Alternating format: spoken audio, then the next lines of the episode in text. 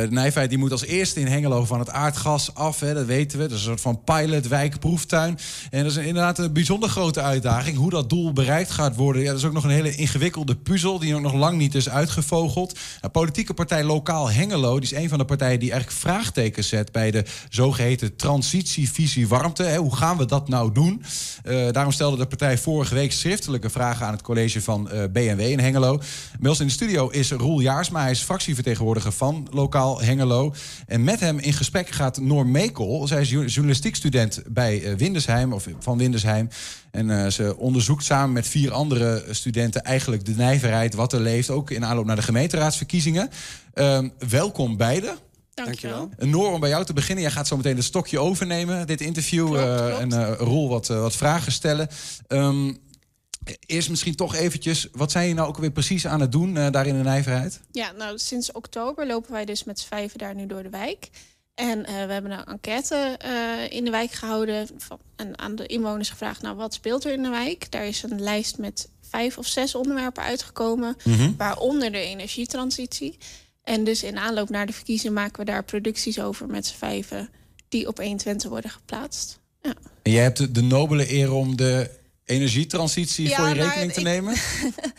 de nobele eer zou ik het niet willen noemen, want het is best een klus. Ja, maar dat kan je voorstellen. ja. Um, ja, iedereen heeft een beetje zijn eigen onderwerp en we helpen elkaar wel. Maar ik heb inderdaad het hele aardgasverhaal uitgezocht. De hele energietransitie en hoe dat daar in zijn werk moet gaan. Ja. ja. Nou, je hebt uh, Roel Jaarsma uitgenodigd uh, om hem wat vragen te stellen. Ja. Ga je gang. Ik, ik zal ook mijn vragen stellen als ik ze heb, maar het woord is aan jou. Ja, jullie hebben uh, vorige week dus uh, vragen ingediend bij het college van burgemeester en wethouders. Maar wat is nou eigenlijk de visie van lokaal Hengelo op de energietransitie? Dat is een hele lastige. Uh, we hebben daar zeker een bepaalde visie over. We hebben het uh, van allerlei kanten bekeken. En ik denk dat het een helse, zo niet onmogelijke klus is. Uh, als je kijkt wat voor dingen er allemaal spelen, dan is dat nogal wat. Hè. Als je alleen even beperkt tot de nijverheid, hè, de totale energietransitie, dat is een heel ander verhaal. Maar even de nijverheid uh, bij de kop pakken. Ja, dan heb je daar met zoveel verschillende dingen te doen. Hè. Je hebt met huurwoningen te maken, je hebt koopwoningen te maken... je hebt met goed geïsoleerde woningen te maken, slecht geïsoleerde woningen. Je hebt met mensen te maken die een beetje te besteden hebben. Je hebt met mensen te maken die nauwelijks iets te besteden hebben. Dus al die dingen maakt het wel heel moeilijk maar als je uh, kijkt naar de energiebehoeften... Uh, het handigste is natuurlijk dat je begint bij het begin. En dat is isoleren. de trias energetica die is daar duidelijk in. Eerst isoleren, want de energie die je nodig hebt... hoef je ook niet op te wekken. Dat is heel simpel.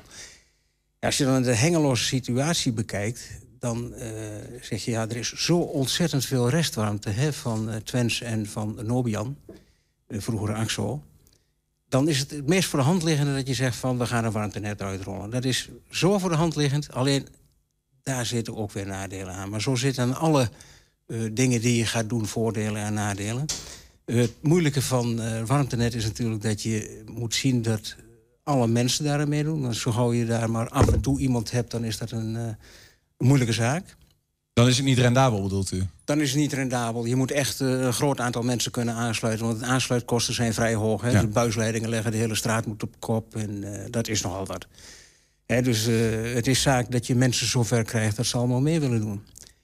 En als je dan kijkt dat op dit moment de prijs voor een warmtenet gekoppeld is aan de gasprijs... dan houdt het in dat met de stijgende gasprijs... die, die prijzen voor de warmtenet ook gaan stijgen. En nogal fors.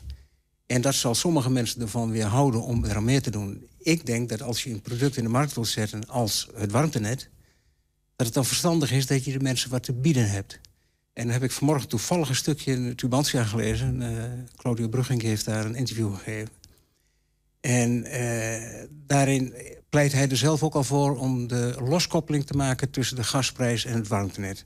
Ja, want jullie stelden dat toch ook voor in jullie vragen? Ja, dan, ja. ik liep Want wat is dan het nou... voordeel? Uh, of jullie zeggen het, duurder dan, het niet duurder dan gasprincipe moet eraf.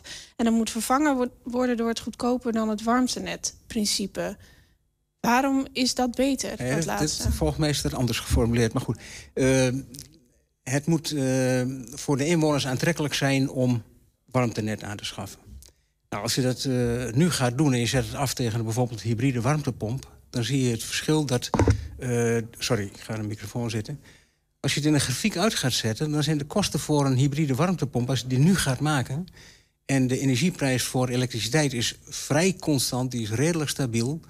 En als dan de prijs van het warmtenet gekoppeld wordt aan de aardgasprijs, dan zie je dat die prijs van het warmtenet steeds verder gaat stijgen. En die andere prijs stabiel blijft. Dan kom je op een gegeven moment op het punt terecht dat een hybride warmtepomp veel aantrekkelijker is dan het warmtenet. En daar moet je eigenlijk vanaf.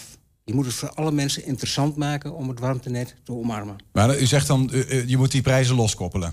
Je moet die prijs loskoppelen. Maar dan, dan speel je het ook weer uh, in de kaart van de monopolisten hè, die het warmtenet hebben. Die kunnen dan hun prijs. Die, ze worden nu ook eigenlijk tegengehouden met die regel ja. dat het nooit duurder mag zijn dan gas. Anders is ja, nou, dat wordt, los, uh, toch? Dat wordt door de autoriteit Consument en Markt ook wel gecontroleerd. Hè. Ze mogen het nooit hoger maken dan een bepaald bedrag. Die prijzen worden vastgesteld. Ja. Maar nou is uh, de exploitant van het warmtenet, dat is de firma N Natuurlijk. En dan las ik in het interview met Claudio Brugging vanmorgen... tot mijn grote genoegen dat N Natuurlijk als exploitant van het warmtenet... ook vindt dat je het los moet koppelen van het gasnet, van de gasprijs.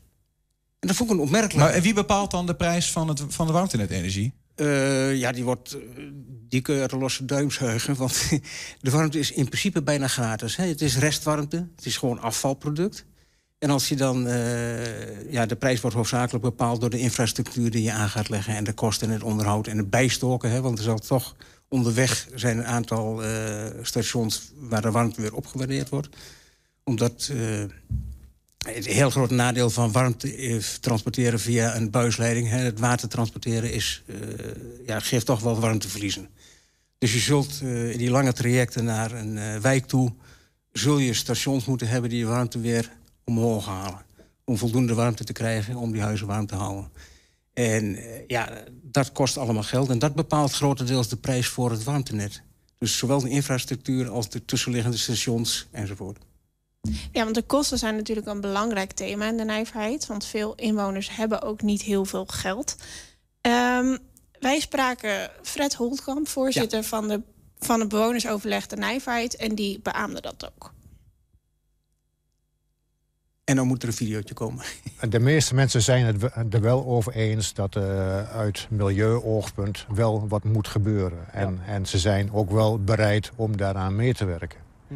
Maar niet ten koste van een uh, systeem uh, waarvan je niet terug kunt.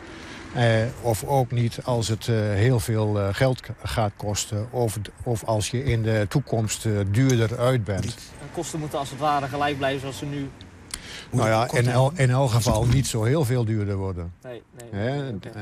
we, we, hebben het hier niet over een wijk eh, waar, waar mensen beschikken over een brede portemonnee. Ja, het mag dus niet zo heel veel duurder worden dan aardgas. Welk alternatief is dat volgens Lokaal Hengelo? Ja, er zijn natuurlijk een aantal opties in de toekomst. Als je verder kijkt, uh, er liggen prachtige gasleidingen, die liggen er al. En je zou kunnen kijken naar de biovergisters. In Zenderen is er een hele grote. Uh, Twents heeft op zijn eigen terrein nou ook een nieuwe biovergister uh, geplaatst. Wij zijn vanuit het afvaloogpunt, uit het oogpunt van circulariteit... zijn we voorstander van het nascheiden van afval. We hebben het vorig jaar gezien wat voor drama het is... als uh, de inwoners zelf het afval gaan scheiden. En al het PMD wordt afgekeurd. En dat wordt dan vervolgens keurig in de verbrandingsovens gekieperd. En dat is eigenlijk niet de bedoeling van de circulaire economie. En als ik kijk bij uh, de firma's als Atero of Omrin die uh, nascheiding doen, dan zie je dat uit de afvalstroom die dat teweeg brengt, de natte fractie daarvan, een prachtige hoeveelheid energie oplevert middels biovergisting. Hè? Dus die Omrin die heeft zijn hele wagenpark op biogas lopen. Ik weet niet hoeveel huizen op biogas. Dat zouden ze bij Twents nog extra kunnen doen, maar dat is politiek heel gevoelig. Hoe komt dat biogas dan van Twents naar die huizen toe? Dat kun je zo aansluiten op de bestaande gasleidingen. Maar die biogas is toch ook niet Heel, biogas is toch ook niet heel duurzaam? Het is en blijft gas. Het is en blijft gas, dat klopt. Maar het wordt duurzaam opgewekt. Het, wordt, uh, het zijn geen fossiele brandstoffen. Nee, maar je stoot wel CO2 uit, toch? Ja, nou, daar kun je een balletje over opgooien. Biogas levert inderdaad wel ietsje CO2 op.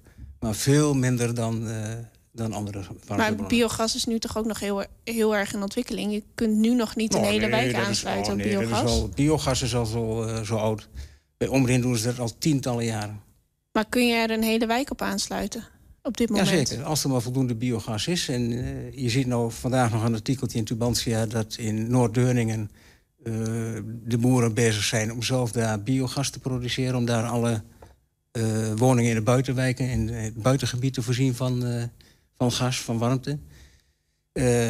ja, ik denk dat daar zeker mogelijkheden zitten. Moet in ieder geval onderzocht worden.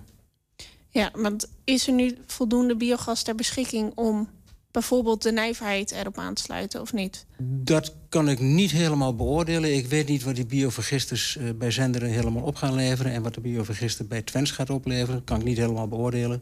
Die gegevens heb ik niet bij de hand.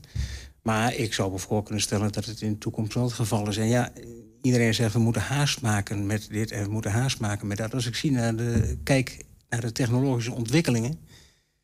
dan denk ik van ja, waarom die haast? Want er zijn zoveel nieuwe ontwikkelingen. Hè. Er worden in het noorden bij de Eemshaven, maar ook bij Rotterdam... worden al uh, machines uh, geïnstalleerd om waterstof op te wekken. Hè. Dus uh, via elektriciteit. De gemeente Hengelo doet met de nijverheid mee... om de nijverheid in 2030 ja. aardgas vrij te krijgen. Ja, dat is heel ambitieus. Dat... En, ja, maar dan, dan is die urgentie er toch wel? Dat weet ik niet. Het is net nog geen 2022. We praten over acht jaar. Ik vind acht jaar nog een hele tijd. En je kunt wel volgend jaar alles klaar willen hebben. Dat lukt toch niet. En ik ben ook bang dat het hele traject in de nijverheid... toch wel ontzettend lang gaat duren, hoor. Dat 2030 niet gehaald gaat worden. Maar misschien ben ik te pessimistisch. Of te realistisch. Dus gaat 2050 dan wel lukken? Dat is wel een hele lange tijd. Dat moet zeker lukken. Maar 2050 is nog een stip aan de horizon... en dan zit je met het warmtenet ook nog met een probleem. Want het warmtenet uh, die warmte moest van Twens komen. Als ik nou kijk dat die, uh, die man daar in Brussel, die bolle, weet je wel, die Timmermans... dat die daar zegt van 2050 moet het afvalverbranden afgelopen zijn. Dan denk ik, u, nou, warmtenet, dat wordt nog een dingetje. Nou zie ik daar heb je afvalverbranding voor nodig. Ja, Twens doet niets anders dan afvalverbranden. Maar Timmermans wil dat uitfaseren tegen 2050. In hoeverre die dit hard maakt, weet ik niet. Want kijk, het is natuurlijk makkelijk om vanuit Brussel van allerlei eh, dingen op te leggen. Maar er zijn ook mensen die het uit moeten voeren. Dus hij heeft het wel makkelijk, maar ik benijd de, de wethouder niet die het uit moet voeren. Nou, hartelijk dank voor de komst. En uh, we wachten okay. in spanning de uh, antwoorden van het college af. Ja, daar ben ik ook zelf nieuwsgierig naar. We zien het wel. Ja. De toekomst zal het leren. En Noor, uh, vanuit onze kant ook uh, dank voor jouw bijdrage vandaag. En, en uh, we zijn benieuwd naar jullie andere bevindingen. Morgen op jouw plek een studiegenoot, Axel Emmink. dan gaan we met twee gasten in gesprek over het belang van Noorberschap voor de nijverheid. En ook eigenlijk voor de wereld in het algemeen.